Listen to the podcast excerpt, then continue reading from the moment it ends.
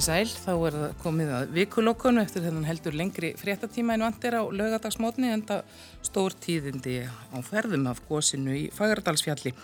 En til mín eru komin þau Magnús Gottfriðsson, leknir og profesor í smittsjúkdómum, Bjarn Heiður Hallstóttir, formaður samtaka ferðarþjónustunar og Jóhann Friðrik Friðriksson, framkvæmdastjóri hjá Keili og bæjafulltrú í Reykjanesbæ.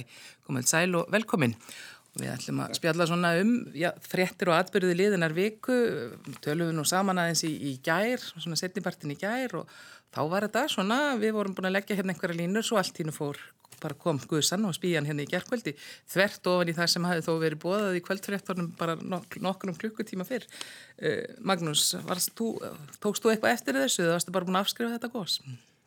Ég reiknaði nú ekki með miklum tíðendum vegna þess að emitt eins og þú segir það var svona frekar verið að draga úr vendingum landsmanna og, og, og skjáltavirknin hafi dreyist saman og, og uh, sérfræðingar stegu fram og sagðu að það væri kannski ekki mikið uh, mikils að vænta alveg á næstunni. Þannig að þetta komið svolítið óvart, já ég verði að hjáta það. Já. en sem betur fer verist þetta að vera allan að það sem að ver uh, svona eins góð útfæsla og hægt er að vonast eftir hægt er að tala um útfærslur á, á, á gósum og, og gósum eða svona kringum staðuna þar sem það upp kemur og, og svona virðast alltaf vera frekar heppilegar.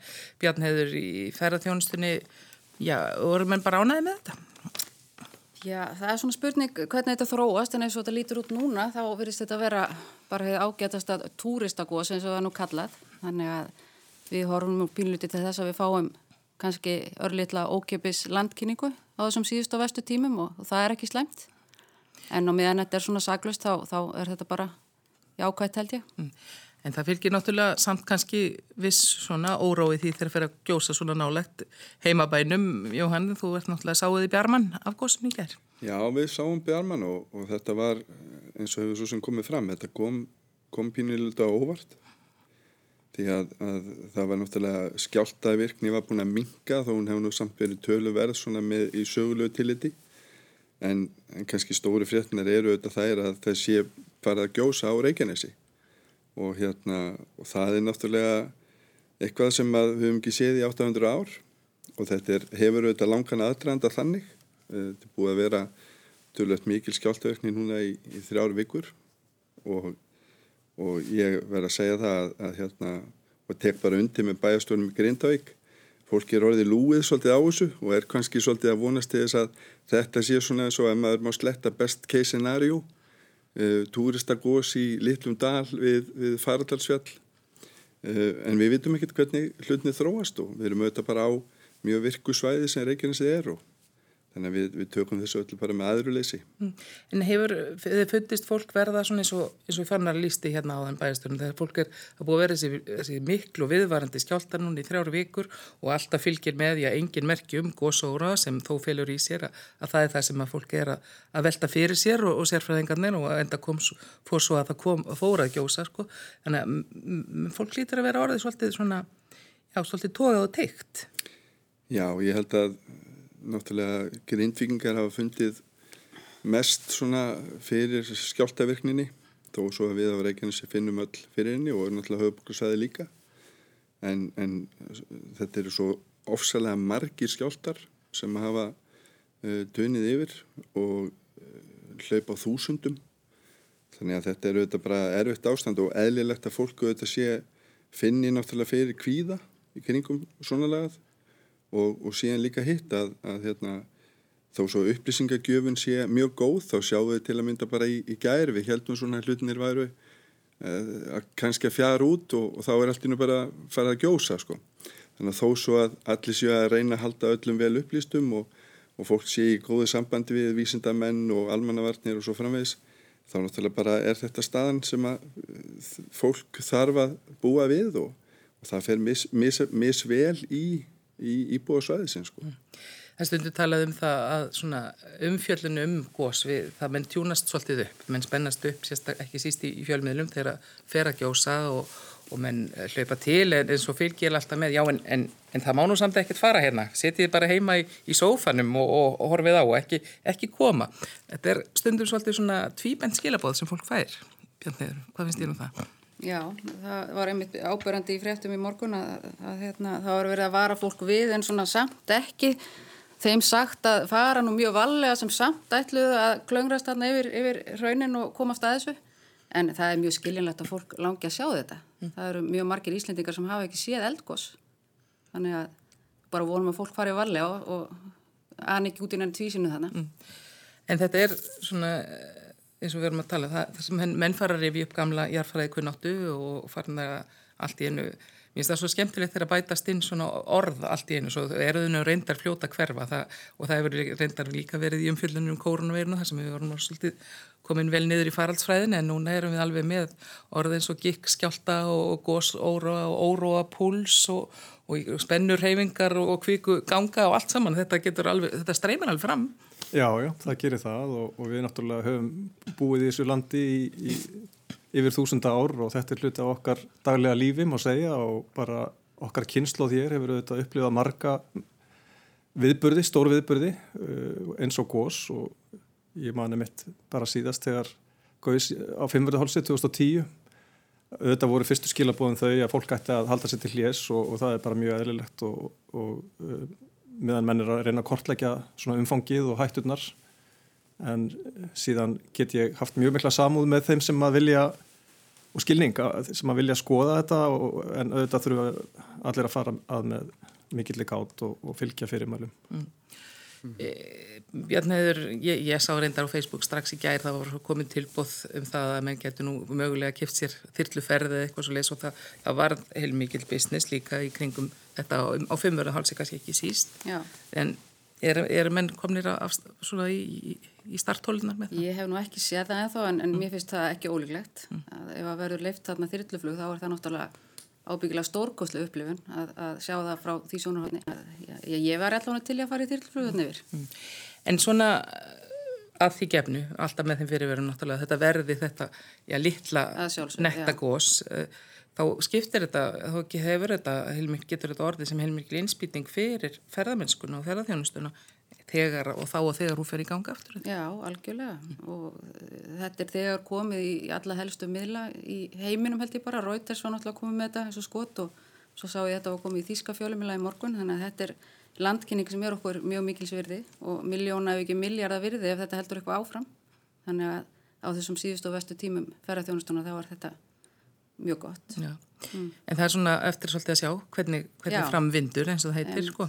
Veður er kannski ekki alveg nóg gott. Það er ekki nú gott núna, báur ekki vel í dag. En, en maður sá samt líka kannski reyndar á munin á, sko, þetta, þetta er svo dramatíst líka, þessar næturmyndir sem að voru það fyrsta sem, að, fyrsta sem kom og svo í morgun þegar er svona farið, að sjatna verulega, það, þetta er þetta mjög mikið sjónarspil og tilkom mikið að sjá svona kraftanátturunar en, en það er, það er fast samt meiri dramatíki nút, Jóhann. Já, það, það má eiginlega segja það og erfitt auðvitað að meta umfang í, í náttmirkrinu sko.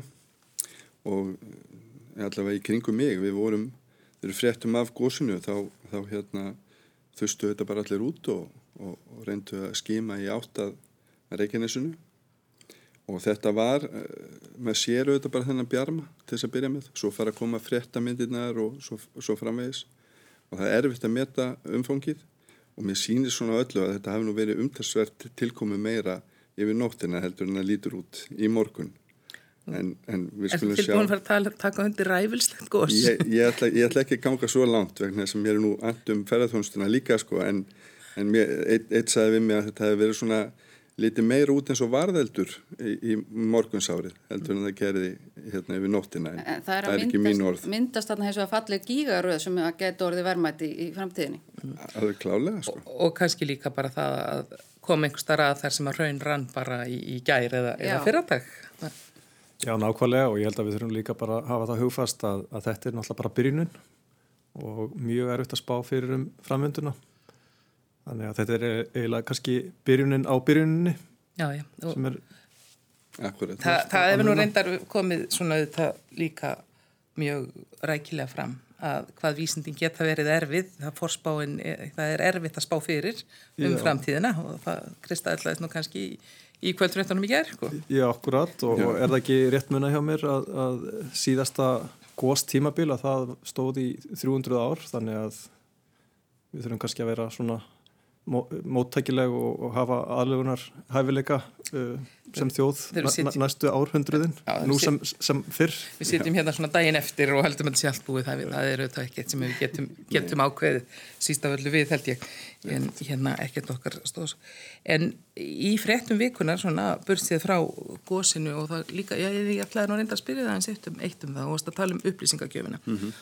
og það sem hefur reynda komið svolítið fram að í söður frá, bæði í Reykjanesbæ og í Grindavík að það er mjög mikið af fólki sem kemur annar staða frá og það hefur svona verið, menn hafa haft áhyggjur af því að það sé erfitt að koma að skilja bóðum áleiðis fólks og fólk verð kannski upphafi uh, áhyggjufullt, bara hú, rættum það að húsmyndu fara, hefur það svona róast, hefur tekist að koma upplýsingum til fólks?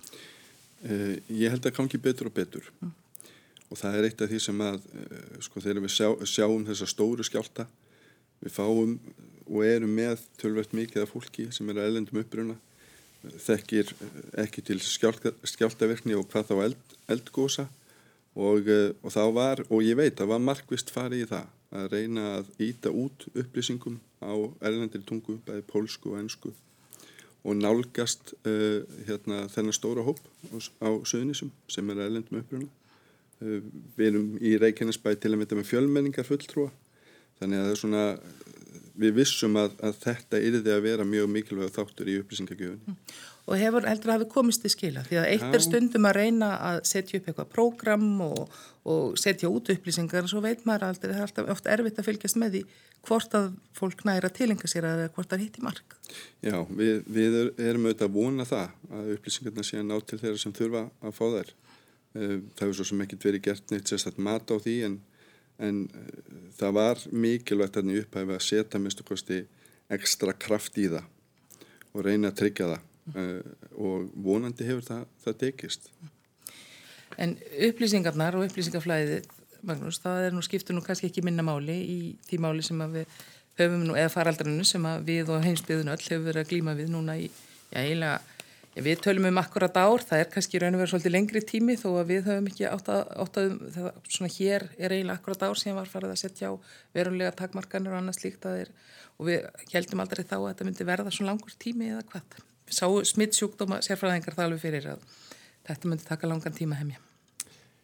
Já, ég held reyndar að, að að þessi heimsfaraldur uh, hann var náttúrulega marg bóðaður um, en útfæslan eða, eða byrtingamyndin hvaða veira er þið upp á teiningnum það var auðvitað hægt að velta miklu möngum yfir því en, en það hefur jú verið talað um það að við getum átt vona því að, að heimsfaraldrar uh, komi fram þrísvar alltaf fimm sinnum á öld og það er ímislegt sem að bendir til þess að uh, tíðnin muni hækka frekarinn hitt og það má reykja til þess að við erum afskaplega ágeng bara sem tegund og göngum mjög hart fram í, í okkar ásokn í uh, verðmæti og náttúru öðlindir, riðjum skóa og erum stöðut á, á ferðinni og fljúum hringin í kringum nöttin og, og, og í raun og veru erum að gera allt eh, sem að í okkar valdi stendur uh, til þess að uh, dreifa síklum, þar að meðal nýjum síklum eins og koronavirnir sem allra hraðast. Ef maður lítur á þetta sagt utanfrá, þá er það okkar atferðli akkurat núna og þess vegna getur við átt vona því að, að svona vandamál muni koma upp aftur og það er margi sem að hafa bent á það einmitt að viðbúnaður alþjóðar samfélagsins hafi ekki verið næjanlegur og það hefur náttúrulega verið rætt um það fram og tilbaka undanfarið ár og menn hafa verið að dusta reikið af gamlum skýslum og, og ráðleggingum sem ekki var farið eftir. Þannig að um, það eru þetta þannig. En hins vegar eh, er aldrei hægt að undibúa sig fullkomlega fyrir atbyrðins og þennan. Og þess vegna er svo mikilvægt að, að, að innviðni séu sterkir þegar og ef til þess kemur að við þurfum að breyðast við. Eh, en, en læra menn eitthvað af þessu? Núna hefur þið finnst að vera, ég meina við erum alltaf séð líka, kannski vonandi þá líka núna til þess að kemur upp smitt núna fyrir tveimu vikum og virðist ganga bara hérna við horfum aftur inn í, sem er svolítið nær sinn og, og horfum bara hérna okkar samfélag aftur, þá, þá virðist eins og það hafi ekki miskusti komist á flug. Eða hvað? Ég held að, já, fyrstu fréttir eru þetta jákvæðar en ég held að sé alltaf snemt að spáninu fyrir um það eh, vegna þess að það greindist júsmit utan sótkvíjar núna í vikunni og, og um, við veitum líka að þetta breska afbreyði, það er meira smittandi og það tekur jú einhvern tíma uh, áður en maður getur sleið einhverju svona föstu, það er gerðan talað um að veiran þurfa að fara í gegnum kannski 2-3 aðila sem sagt við, erum að þá tala um 2-3 vikur raun og veru sem er miðað við áður en maður getur farið að, að svona varpa öndinni léttar. Og við erum ekki komið þangað. Þannig að um, ég held að við verðum aðeins að býða og sjá. Mm. Ég held að mörgum hafi bröðið svolítið þegar það komið þannig fyrir tveimu vikum fregnunar, það var svona farið að slakna hjá flestum og, og svona farið að halda uh, samkomur og, og mennfarnar horfa frá til páska og svona þannig að það, það, það var svona óþermilega, óþermilega sem fólk kiftist við þegar komið fregnunar á hósbyndinu. Já, það er, uh, við erum orðin, komin mjög lítið óþól fyrir nýjum smittum virðist vera og, og vond að fá svona bakslag og eðlilega en, en, en erum við ekki komin í þá stöðu að við náum, að, náum fljótt að ná utanum svona smitt, erum við ekki komin á þann stað núna? Við, við höldum það, Magnús er ekki alveg jafn afdráttalauðs í því, það er kannski eh, það er svona, við, eh, þú, þú, þú segir að það bara er orðsnemt að rosa happi með það. Já, ég held að, að bara, sko, við þekkjum það að, að eh, það þarf ekki nema einn einstakling. Það er ju þannig og ef við mér ræða einstakling sem að, uh, er í mikil snertingu við aðra þá, þá gerast hlutinni rætt, þetta veitum við öll og, og, og þess vegna held ég að jáfnvel þó að maður horfi á lágar tölur að þá þarf maður líka að hafa það að hugfast að staðan er mjög fljóta breytast. En það er alveg rétt og ég sammála því að við höfum auðvitað þjálfast mjög mikið í því að takast á við þessa áskorun og, og þjóðin sem held hefur staðið sig gríðarlega vel og landsminn allir fylgjast vel með og, og hafa farið samvinskusamlega eftir ráleggingum yfirvalda og sótarnarlæknis þannig að eh, ég held að þetta muni kannski ekki koma jafn yllilega aftan að okkur eins og hefur gert áður. En við þurfum ekki annað en að skoða stöðuna í Evrópu eins og núna. Þískalandi, Fraklandi þar sem að faraldurinn er í mjög mikill uppseflu, Pólandi og þar virðist þetta breska afbreyði vera að taka algjörlega yfir.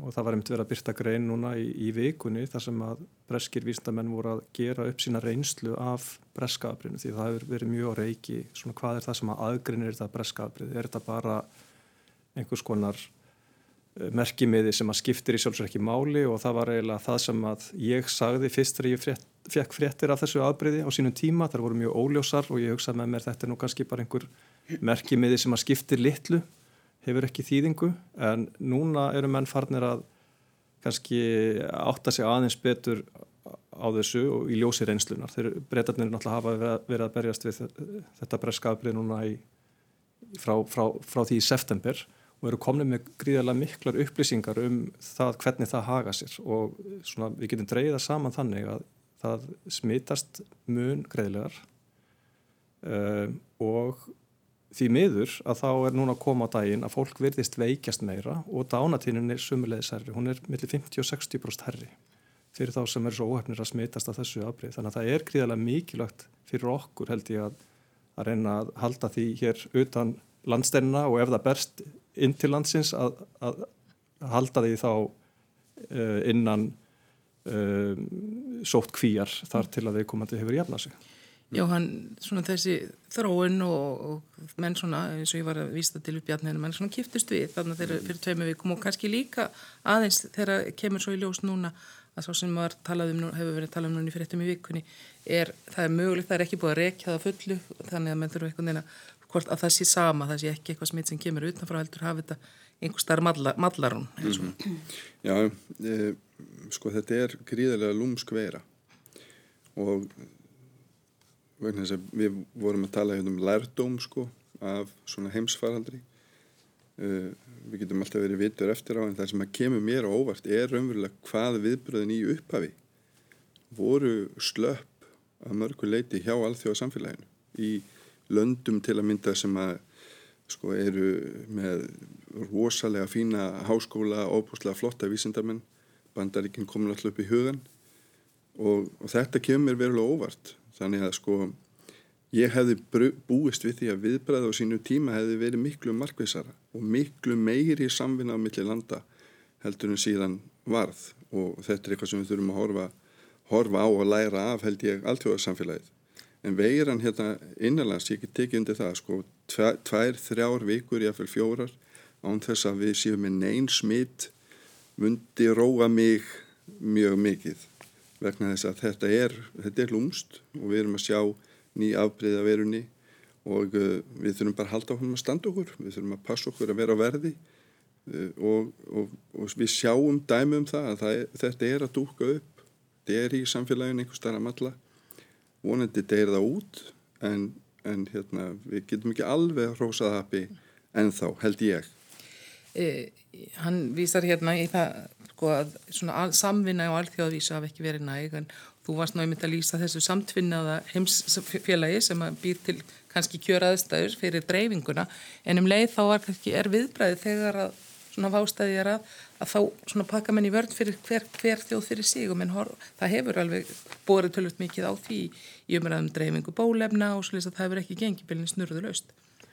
Nei, nákvæmlega, það er náttúrulega það sem við höfum lært og, og allþjóðsamfélagið eh, mun vonandi læra að, að við þurfum kannski að vera aðeins samstiltari í okkar viðbröðum en það er jú þannig að, að aðstæður geta verið mismunandi á, á mismunandi stöðum og mismunandi tíma og, og þarfinn getur verið mjög skindileg og brín innan tiltekina landa og þá beita menn neyðarétti og segja hérna það tekur ekki neinu tali að, að það sé verið að flytja út hér lífðabúnað eða lifi eða ýmislegt slíkt og mörg lönd hafa beitt slíkum úröðum og það er náttúrulega mjög mannlegt að standa fyrst vörðum sína nánustu og, og þetta eru jú stjórnmálamenn sem er að taka þessar ákvarðanir þeir þurfa að geta hort framann í sína kjósendur og, og almenningi í þeim löndum. Þannig að þetta er snúið að, að, að finna lausna þessu og, en ég held líka að eitt af því sem við höfum lært er kannski þetta að þetta uh,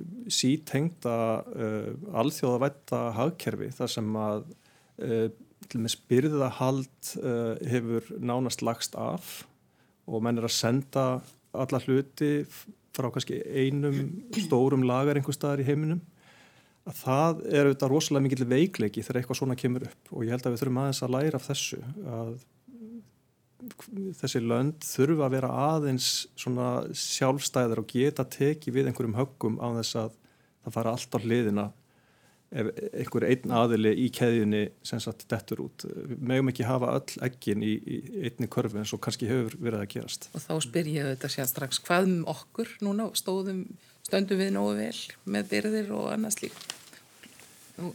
Já, við... Hafa menn breytt eitthvað svona sínu viðmóti eftir, eftir þetta komið? Það, það hefur gerst, eh, veit ég, á, allavegna á spítalanum og, og það tók náttúrulega tíma og auðvitað voru til uh, byrðir af, af livjum og ymsu en, en enga síður að, að það er svo erfitt að spá fyrir um það þegar notkunnin eikst upp úr öllu valdi, bara mörg hundru prósent á nokkrum dögum. Það er eiginlega ekki hægt að, kannski réttlega það að vera með sko margra mánada lagir af, af, af slíkun hlutum, þannig að þetta verður alltaf spurning um útfæslu. Mm.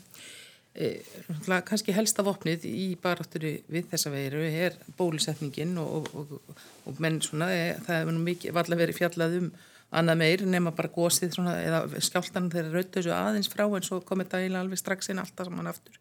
Menn er að tala um það það er náttúrulega búið að bólusetja tölverðan, hvað talaðu um held ég eitthvað svona, ekki 37.000 mann sem heima sem byrjaði að bólusetja sumulöndum erum en komnir tölvert lengra með bólusetningar þó að fæsti síðan og komnir búinir að búa til eitthvað ónæmi og vera að tala um það að víka eins út og opna, voru mikil umræði vikunni um það hvort að ég leipa fólki sem við erum alltaf teiknum upp okkar varnir og okkar mörg, það er sjengansvæðið en nú var við að tala um það að við myndum hér taka móti fólki sem kæmi með bólusetningavottor utan þess svæðis og vakti mjög hörðu viðbröð Björn Heður og ekkert öllum sem líst á það og fólk kannski upplifir það meðsjaflega og svo litakóðunar kerfið í vor sem er kannski fórsenda þess að verði eitthvað komika fólk engað inn en mörgum sem finnst þess að það sé verið að opna fyrir eitthvað og taka á þetta sem við þurfum ekki að gera. Já, þetta var algjörlega eina fréttum vikunar og, og það sést ákverðum stjórnvaldum það að opna fyrir bólusetta og þá sem eru með mótefni eh, frá ríkjum utan sjengen og svo því miður þá blandaðist þessi litakóðunar umræða þarna saman. Þannig að þetta fór svona í einn allsherja graut í umræðinni og bar á tölverður upplýsinga óreiðu og svona umfjöllun sem að varð svona já við skulum segja hún hafi farið svona daldi út í móa á köplum og e, það sem er mikilvægt í þessu það er náttúrulega að halda þessu tvennu algjörlega aðskildu. Annars verður því að við ætlum að leipa hér inn bólusettum gestum bæðu frá, frá Evrópu og frá ríkjum utan Schengen og hins vegar þetta litakóðunarkerfi sem átaka gildi fyrsta mæ, þetta er tvent ólíkt. En, en þetta með það að við ætlum að opna hér fyrir bólusettum og þeim sem eru með mótöfni, þetta er bara mjög þýðingamikið til þess að, já ég ætla að lefa mér að segja, endur reysa stæstu útflutningsatvinnugreinin okkar sem að er orðið gríðarlega mikilvægt að við gerum á sem mörugastan hátt Þannig að uh, það hefur nú verið tekinn svona álgun að við, eða við höfum tekið þá ákvörðun hér að fara í þessar bólusetningar og að við ætlum að treysta þessum bólusetningum. Þannig að ég get ekki séð að það sé neitt átóðvört við þetta í sjálfu sér. Mm. En um, maður hefur samt fundið fyrir því í vikunni að mörgum líður eins og það sé verið að opna og auka taka óþ, óþarfa áhættu. Já, ef við förum þá bara í lit, litakóðunarkerfið mm. sem að vissulega felur í sér breytingar á landamærunum ég veit ekki hvað, ég hef mikið tíma til að fara út í það en það er hins vegar þannig að, hérna, að það er ekki eins og sé verið að gala opna landu upp á gátt, það verður eftir sem áður tvöföld skimun fyrir alla sem koma til landsins bara í annar útvæslu þannig að allt tala um það að sé verið að gala opna landi hér upp á gátt fyrir hverjum sem er, hún er einfallega raung og það er mjög mikilvægt í þessar umræðu að staðrindinans liggi á borðinu og við séum að ræða þær út frá þeim fórsendum. En finnst þið að það hafi mistekist að, að gera þetta nægilega skýrt? Já, ég held að það mætti alveg eh, skýra þetta miklu nánar fyrir almenningi, fara yfir þetta lita kóðunarkerfi og hvað það þýðir vegna þess að þetta hefur líka þýðingu fyrir okkur ef við ætlum að ferðast til útlanda og ég held að öll umræða sem að er byggist ekki á staðarendum í þessu sé einfallega hættuleg og, og leiði bara til sundrungar í, í samfélaginu mm. og polariseringar jafnvel milli hópa. Hvað hefur þér fundist Jóhann Fridrik um þessa umræði um það þar sem mörgum, fólki fannst það einhvern veginn, það heyrði þessa frettir, kannski hlustaði ekki nógu vel eða tók nógu vel eftir öllu saman en, en eins og það væri verið að ringa og, og þá bara um, vaknar ótti. Já, ég held að það sé bara skiljanlegt. Ég reyndar held að uh, við séum ekkert að, að vaða nitt fram úr okkur í þessu. Uh, við höfum bara þessi dæmi í hinnum bylgjónum það sem við heldum við værum komin í, í góð mál og það er bara eðlilegt að fólk sko hafi spurningar og, og þurfa að fá upplýsingar og svo framvegis. Uh, ég held og get alveg tekið undir það að, að það er mjög mikilvægt fyrir okkur að, að treysta á bólusetningarnar. Bæði er það gott hér innanlands og ekki síður þá náttúrulega er verið á fullu að, að bólusetja kringum okkur og endanum munum við fara af stað, við munum fara að ferðast og þetta verður svona fyrsta kortið í því að, að geta farið á mitti landa eftir að maður er búin að fá sprötu í arminn og orðin bólusettur. Þannig að ég held að þetta sé bara eðlegt skref en, en upplýsingarnar eru eðlilega stundum þannig að, að, að það verður miskilingur af. Magnús, það verður talað um þetta og menn tala um þetta sé, þetta er pólitísk ákverðun hvernig menn, hvernig menn haga aðgerðum á landamörnum þó þetta sé gert í miklu samræði við vístamenn og sótvartanleikni eh, hvað finnst, finnst heldur þú að sé menn sé að fara á gist? Já, þetta er eins og Bjarni hefur sagði, þetta er, þetta er tvenn mm. þetta er annars vegar það að, að viðkenna uh, bólusetningavottorð og, og staðfest smitt og hins vegar litakóðunar kerfið og hvað varðar fyrri uh, liðin sem að við rættum hérna þess aðan að þá held ég að það sé í sjálf sér eðlilegt að, og í raun og veru í samræmi við hefðir almennt uh, í, í þessum fræðum að viðurkenna það að þegar fólk er ónæmt fyrir, fyrir síkingu að, að hleypa því í gegn. Og það er ákveðið átakaðu þetta bara að, að að sætta sig við það. Við erum að koma út úr erfiðu tímabili núna og þetta er kannski erfið tilhugsun og sérstaklega við fylgjast með fréttum í, í Evrópu þar sem ástandið er ekki gott og, og verist vera jafnvel versnandi ef eitthvað er. En, en þetta prinsip að, að, að samþykja uh, komu þeirra sem eru bólusetti, mér finnst það að vera bara fyllilega eðlilegt. Ég get ekki amast í því og mér finnst það bara í raun og veru liður í því að komast áfram út úr, út úr þessari krísu. Uh, þetta með litakóðunakerfið hins vegar, ég set mörg spurningamerki við það og þar verðist megin forsendan vera, vera svo að menn leggjaði jöfnu tíman sem að líður frá því að fyrra skimunaprófið er tekið í heimalandi viðkomandi ferðamanns og þar til að hann kemur hingað og fer aftur í próf. Það er lagt að jöfnu við sótt kvíjar tíman sem að núna er meða við eftir komu, þess að 5-6 daga. Og við vitum að það er ekki hægt að gera það. Við vitum að e, sótt kví hefur ákveðnar takmarkanir í förmið sér ekki satt. Okkur eru öllum uppálagt á þessum tíma sem að líður mellir fyrri og setni sínatöku að e, gæta að sóttvörnum veri ekki að blandast öðru fólki, veri ekki að ferða á flugi og allt þetta Þarna er verið að skauta algjörlega fram hjá því og það kann vel að vera að fólk munir fá einhverja ráðleggingur um að hafa sér þannig. Við veitum líka jafnvel að það mun ekki gera það. Og um, þannig að ég eh, held að þessi aðferðafræði mun ekki ganga upp uh, og hún er ofgöðdótt að mínu mati og það þarf að hugsa það betur hvernig það verður útvært. Mm. Það er líka annað í þessu sem að, og það eru mörg spurningamerki sem að maður getur sett þarna og ég held að við þurfum að ræðum það hvernig hægt er að, að leysa þessi úrleysnarefni. Við vitum það að það er mjög erfitt að fylgjast með ferðum fólks uh, sem að segjum kemur frá Pólandi og flígu til Íslands í gegnum Kaupmannahöfn. Kanski er Danmörk græntland en Pólandi er raukt og þá þurfum við að treysta því að viðkomandi uh, greini satt og rétt frá öllum sínum ferðum Við veitum líka að staðan getur verið mjög misjöfn innan tiltekina landa. Þú getur verið á grænusvæði innan tiltekislands, farið í gegnum rautsvæði. Þannig að þarna eru svo mörg uh, álitaefni og síðan auðvitað bætist það við að þegar við erum að flokka uh, faraldsvæðina eða sérst nýgengið sem er síðan grundvöldur litakóðans að það eru alltaf eftir á upplýsingar. Það er alltaf ákveðin töf á þeim upplýsingum.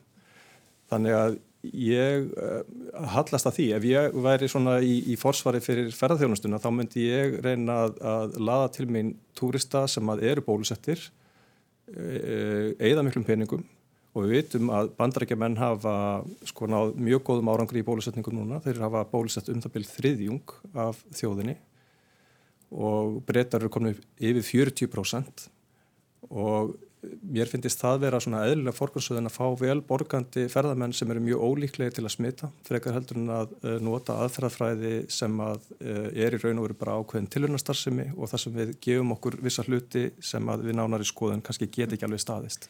Já, neður heldur að, að það væri ráða að taka bara bólusetninguna og, og þá sem eru bólusettir bara beina kröftum sínum hvernig sem að gera það nákvæmlega að þeim og vera ekki hugsa um hitt.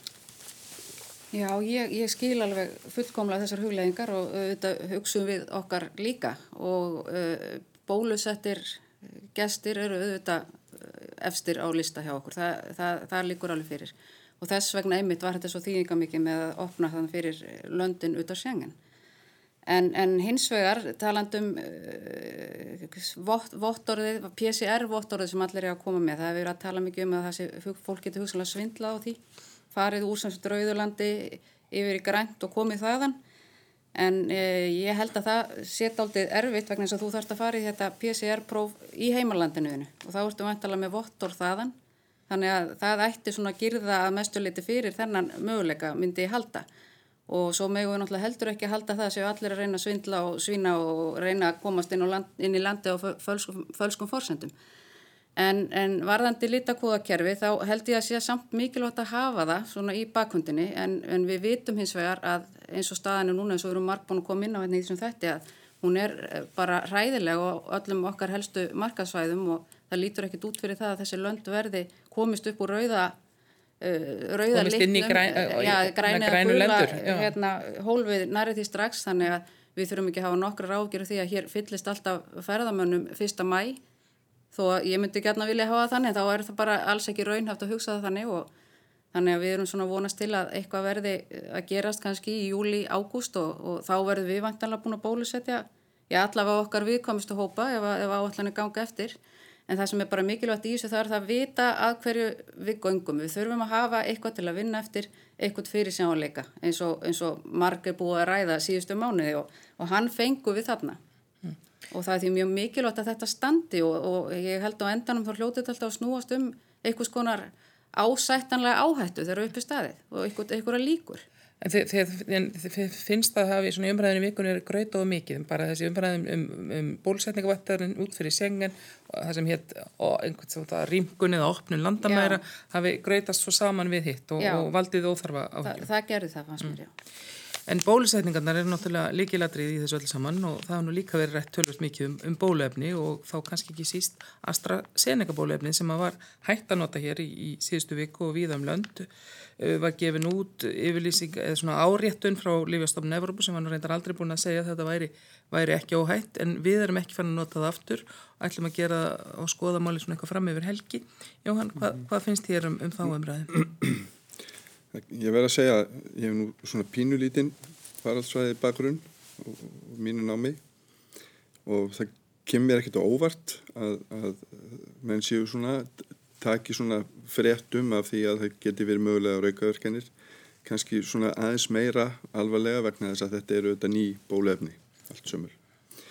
En, en síðan náttúrulega bara eru sérfræðingar sem að fara yfir þetta og komast að þeirri niðurstöðu að að þetta sé, þetta sé eitthvað sem við þurfum ekki að hafa svona miklar ágjör af. Það eru alltaf, það hefur alltaf einhverjir fylgikvillarins að, að fá bólefni og, eh, og þannig ég held að við verðum farin að nota þetta bólefni til tullega fljót. Við munum skoða það hér innanlands uh, og, og náttúrulega uh, heilbriðis yfirvöld erlendis eru að skoða þetta líka Þannig að ég held að... Í sumum löndum var ákveðið að fara strax að nota það aftur bara? Já, við, ég held að allavega við skoðum bara Ísland, við erum til dæla heppin að þýleitinu til sko að það er, það er, það er jákvæðinni gagvart í að, að, hérna, e, að vera bólusettur á Íslandi. E, eh, Miða við í öðru löndum, það er miklu meiri tortrykni gagvart bólusetningum almennt. Þannig að, að við, ég held að við séum ekki glíma við það vandamál hér. En auðvitað þurfum að fara að valega og við þurfum að hérna fylgjast vel með hvaða, á, hvaða áhrifin eru af bólusetningum, það er eðlilegt. Þessi AstraZeneca umræða Bjarnir, hvað fannst þér um hann? Já, ég skil alveg að það hafa verið tekið hlið á þessum bólusetningum að meðan er verið að rannsaka málið en, en það verið nú flest benda til þess að það sé ekki fylgni á milli þessara blóttappa og, og, og AstraZeneca þannig að ég trúi því líka að þetta, við byrjum að nota þetta aftur og vona það að við gerum það Magnús, eh, maður gerur hlið þarna og við erum ekki farin að nota það aftur.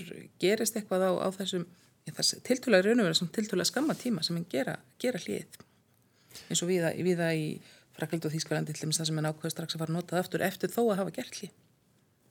Það gerist náttúrulega tvent sko. Í fyrsta lagi var þessi tími notaður til þess að, að reyna að afla gagna og, og þau gagn bentu ekki til þess að það væri umfram uh, tíðni af þessum fylgjikvilla uh, umfram það sem vandamátti og reyndar var að tala um það á, á kynningaföndunum hjá Eurósku lífastofnunni að, að tíðnin hefði verið lægri heldur en að þeir hefðu reiknað með og það er kannski hluta til vegna þess að við vitum að COVID sjúkdómurinn sjálfur felur í sér mjög aukna hættu á blóttapamindun.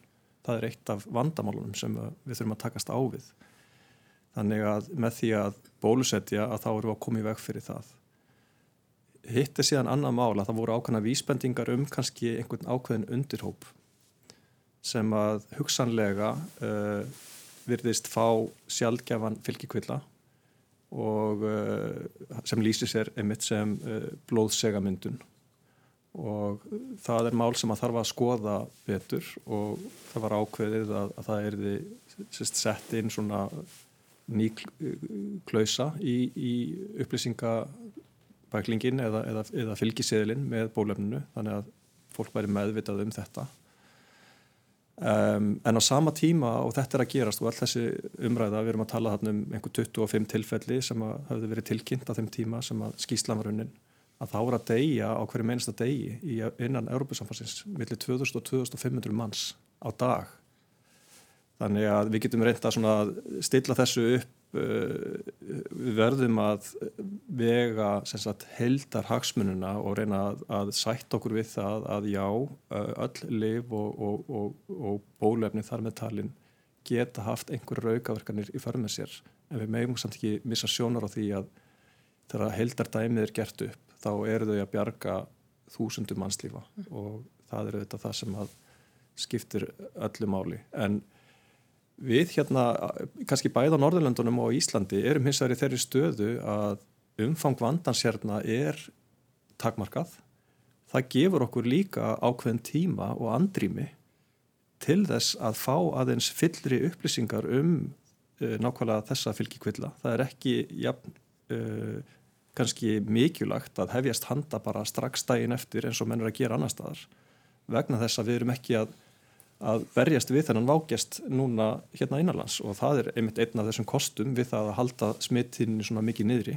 Og það er gríðarlega verðmætt fyrir okkur að það kaupur okkur þennan tíma. Og við getum þá aðeins kannski uh, tekið upp lístari ákvarðun þegar að fram í sækir. Mm. og það verður öruglega ekki eftir langan tíma. Og ég er sammála því að, að uh, ég, ég tel að, að notkun á þessu bólefni muni hefjast aftur.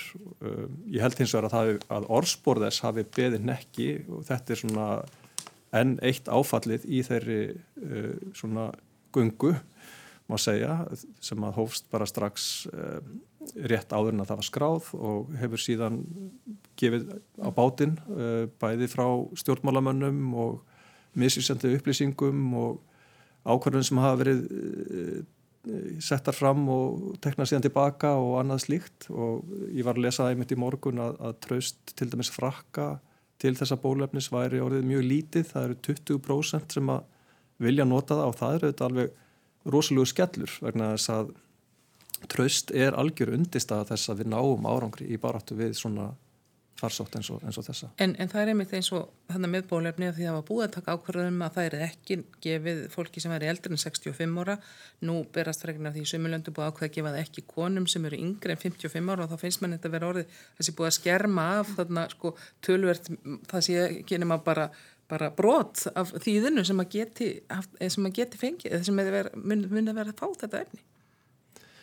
Já, já, einmitt og, og það er vegna þess að... Og þá einmitt er með byttu, er þetta ekki eitthvað sem, að, eitthvað sem ég vil átt að segja tími, sko? Akkurat, ég held að, að öll svona umræða, hún getur auðvitað skapað uh, óöryggi og, og vantraust. En ástæðan fyrir því að, að menn er að taka þessa ákverðun að ég hygg er svo að þessir blóðtappar uh, greindust í mun meira mæli meðal hvenna sem að voru svona undir miðjum aldri og með þessari ráðstofun er verið að reyna að leytast við að undin skilja þá þær og, og, og halda áfram með hinnhópin. Mm. Það er náttúrulega búið að vera svo yfir þeirrmandi öll þessi mikla bólusendingar en það er eitt sem að ég var að velta fyrir mér það er svona fregnir af því þegar að fórustumennur láta bólusetja sig og það koma svona utan á heimi E, það er það sem var vaktir kannski sérstaklega allir mín að vera að tala um að vera bólusettill í Boris Johnson núna um daginn hann, það var líka búið að segja frá því að hann var búin að fá COVID. Á að bólusetja þá sem hafa þegar fengið. Vekst að verunni og komist hjálpa Það er mjög góð spurning. Það hefur verið praktiserað mjög víða að, að velta því ekki fyrir sér og bara bólusetja alla uh, og það er ekki praktiserað hér í sjálf sér að mæla mótefni og, og undanskilja þá sem eru með mótefni en almennt að þá er kannski ekki verið að, að hvetja fólk sem að hefur uh, staðfesta sögu um, um, um COVID að, að, að fara í bólusetningu. En um, þetta er eitthvað sem að þarf í raun og vera að skoða betur. Við vitum að þeir sem að hafa fengið síkingu og fá bólusetningu að þeir náttúrulega eru eðlilega komnið með einhvert ónæmisvar og ónæmisminni þannig að þeir fá líklega aðeins meiri viðbröð við bólefninu en það líka þekkt að, að þeir sem hafa fengið náttúrulega síkingu af öðrum koronavirum að, að ónæmið að það er ekki mjög langvarandi. Þannig að e, það má alveg rekna með því að, að svona í framtíðinni ef veiran breytist mjög mikið að þá muni þurfa að gefa kannski uppfærðar útgáfur af þessu bólum Þetta, þetta verður svona eins og flensusbröytan það þurfa að koma ný kórnusbröyt á hverju, hverju metri. Það er hugsanlegt og það er sérstaklega hugsanlegt ef eh, þessi heimsfaraldur fær að, að, að leika lausum hala víða um heim um, vegna þess að það, þær aðstæður eru kjör aðstæður fyrir verina til að stakkbreytast. Og það er jú ástæðan fyrir því að það er svo mikilvægt að allir séu samtaka í því að reyna hveðana neður Eh, og það sé ekki stórir heimslutar eh, eða heilu álfurnar skildar út undan, en þá verður þetta fyrir, fyrir varir vandamál okkar allra aftur. Já, við stökkun og aðeins út úr þessu yfir í litla frétt sem kom í gæri og alltfjálega um hamingu degi um það að við værum Íslandíkara. Við erum hérna oft svolítið uppnægum fyrir því þegar að koma svona hérna fregnir þar sem búið að raða okkur ekki síst ef við rauðumst vel. Næst hamingjusömmust og eftir finnum og það sem ég fannst nú gata nú samt svolítið í huga því að svona staðalýmynd finna er nú kannski ekki alveg að þessi alveg að springa úr, úr gleðu og kátínu alla daga. Er Heldur þú að við séum næst hamingjusömmust í heimi? Já, ég held að við séum hamingjusömmust sko, ég held bara að þetta hafi verið liðlega rannsók sko. Já, eitthvað feilað þarna? Bara feilað. Við Íslandingar erum held ég mjög lífsglöð þjóð og hérna og, og það er oft talað um það af, af þeim gestum sem að hinga að koma að við séum auðvitað, þú veist, svona, við erum dugleg við, við hérna látum ekkert stöð okkur og við pössum okkar á því að tap aldrei gleðinni hvað sem að á dýnur þannig að, jújú, jú, bara flott að vera í öðru sæti en ég hef frekka vilja verið í fyrsta. Ja, við, við, við vorum þó að hoppa upp listan aðeins Já, þetta er skemmtilegt, ég sá nú ekki þess að frétt en, en, en ég bara teku undir þetta. Við hljóttum að vera hafmyggsumist við erum alltaf svo mátulega kærulegs, ég held að það er líka bjarg okkur, bjarg okkur og erum með svona vist æðururleysi líka ja. svona í blóðinu heldur. En þetta ítir nú alltaf undir þetta svona það sem við tölum um heila þjóður eins og ég segi þegar finnar er kannski ekki það svona ímynd gleðinar í hérna svona heimsvísu. Nei, nei, það, það, það er ímynd þeirra. Ég þekki nú nokkur að finna og þeir, þeir eru nú leina á sér. Það eru sælir í sínu kannski. Já, ég held það. Magnús, heldur við séum næst hamingisömmist? Það er nú hver fyrir sig.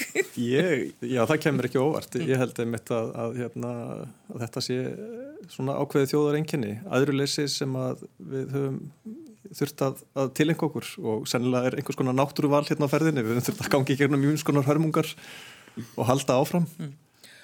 Og auðvitað bara er það fórættind að búa í þessu dásalega landi sem að hérna, veitur okkur svona inblastur og, og ég held einmitt að, að að auðvitað umhverfi okkar mótar okkur svo mikið, veðufarið sem er alltaf að breytast, marg ofta dag að það heldur okkur svolítið á tánum og heldur, heldur manni líka í tengslu við náttúruna sem að kannski vantar svolítið í viða í heiminum þar sem að fólk er lokað inn í stórborgum eða inn á skustofum allan daginn.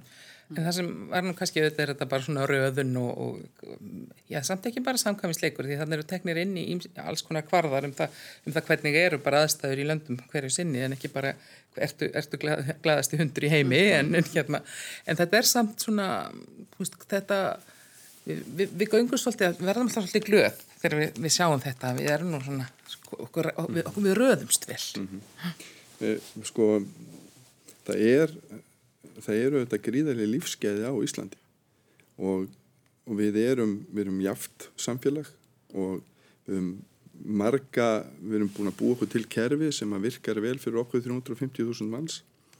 Þannig að, að veist, það eru þetta margt sem að spila inn í það í, í mælingu á hamingu og hérna og ég held að það séu þetta alltaf gaman í allþjóða samanbörði að, að vera á góðum stað.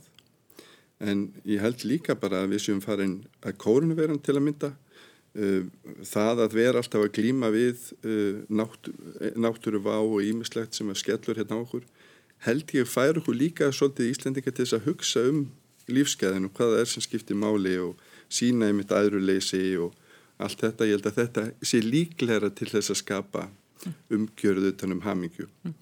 Og það að klifra upp um tvö sæti á svona tímum kórunar, kórunaveirunar sínir það kannski, endur spekla það kannski eitthvað einhver lit? Já, já það, við erum náttúrulega einni bestu stöðunni í heiminum í dag, svona varðandi daglegt líf og það er aðtapni sem við getum synd, svona miða við bara svo við tökum nærtækt dæmi, bara Európuríkin hérna næst okkar, mm. þar sem að fólk er bara inn í lokað og það getur ekki hvað ég segja, orsaka mikla hamingju, þannig að ég er ekki tissa þó að við höfum farið upp núna undanfarið ár.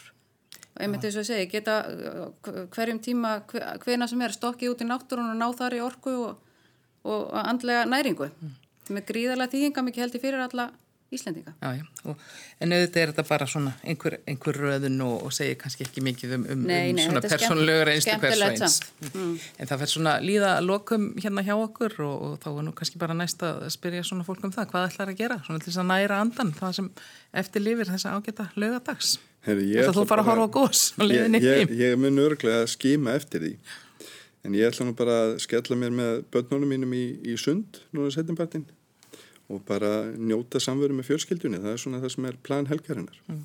Bjarniður. Já, ég er á leiðinu í, í fimm ára ammali núna bara strax eftir þáttinn hjá litlum frenda mínum og, og síðan er fyrir hugað að, að sækja andlega næring út í náttúruna og ganga á agrafjalli setjumpartin með sinni mínum. Og skima, skima Já, það skal sést eitthvað það. Magnús. Jú, allir ég fari ekki út að hlaupa, ég er svona að reyna að gera það oft á lögutum og uh, svo fer ég og, og lesa eitthvað, ég er að reyna að klára bók sem ég byrjaði á fyrir allt og lengur síðan og, og hérna við, við lendilega reyna að klára hana núna um helgina. Já, svona, við þurfum að viðhalda okkar stöðu á hamingjulistanum. Og... Svo allir er reyndar að fara hérna á Þíska kvimtátið í kvöld, búin að kaupa mið á, á hérna eina myndunum þar, þannig að það verður skemmtilegt. Það verður svona and, andlega næring líka. Ég þakka ykkur kærlega fyrir komina til mín hingað í vikulokkin Magnús Gottfreðsson, Bjarnheður Hallstóttir og Jóhannu Fredrik Fredriksson en minni líka á það að það verður auka fréttatími í sjónvarpinu nú klukkan 12 og svo í hátægisverðnum klukkan 12 þá fáum við nýjistu fregnir af gósinu og, og þetta heldur allt áfram hjá okkur líka fram eftir degi í öllum miðlum og á vefnum. Það verið sæl.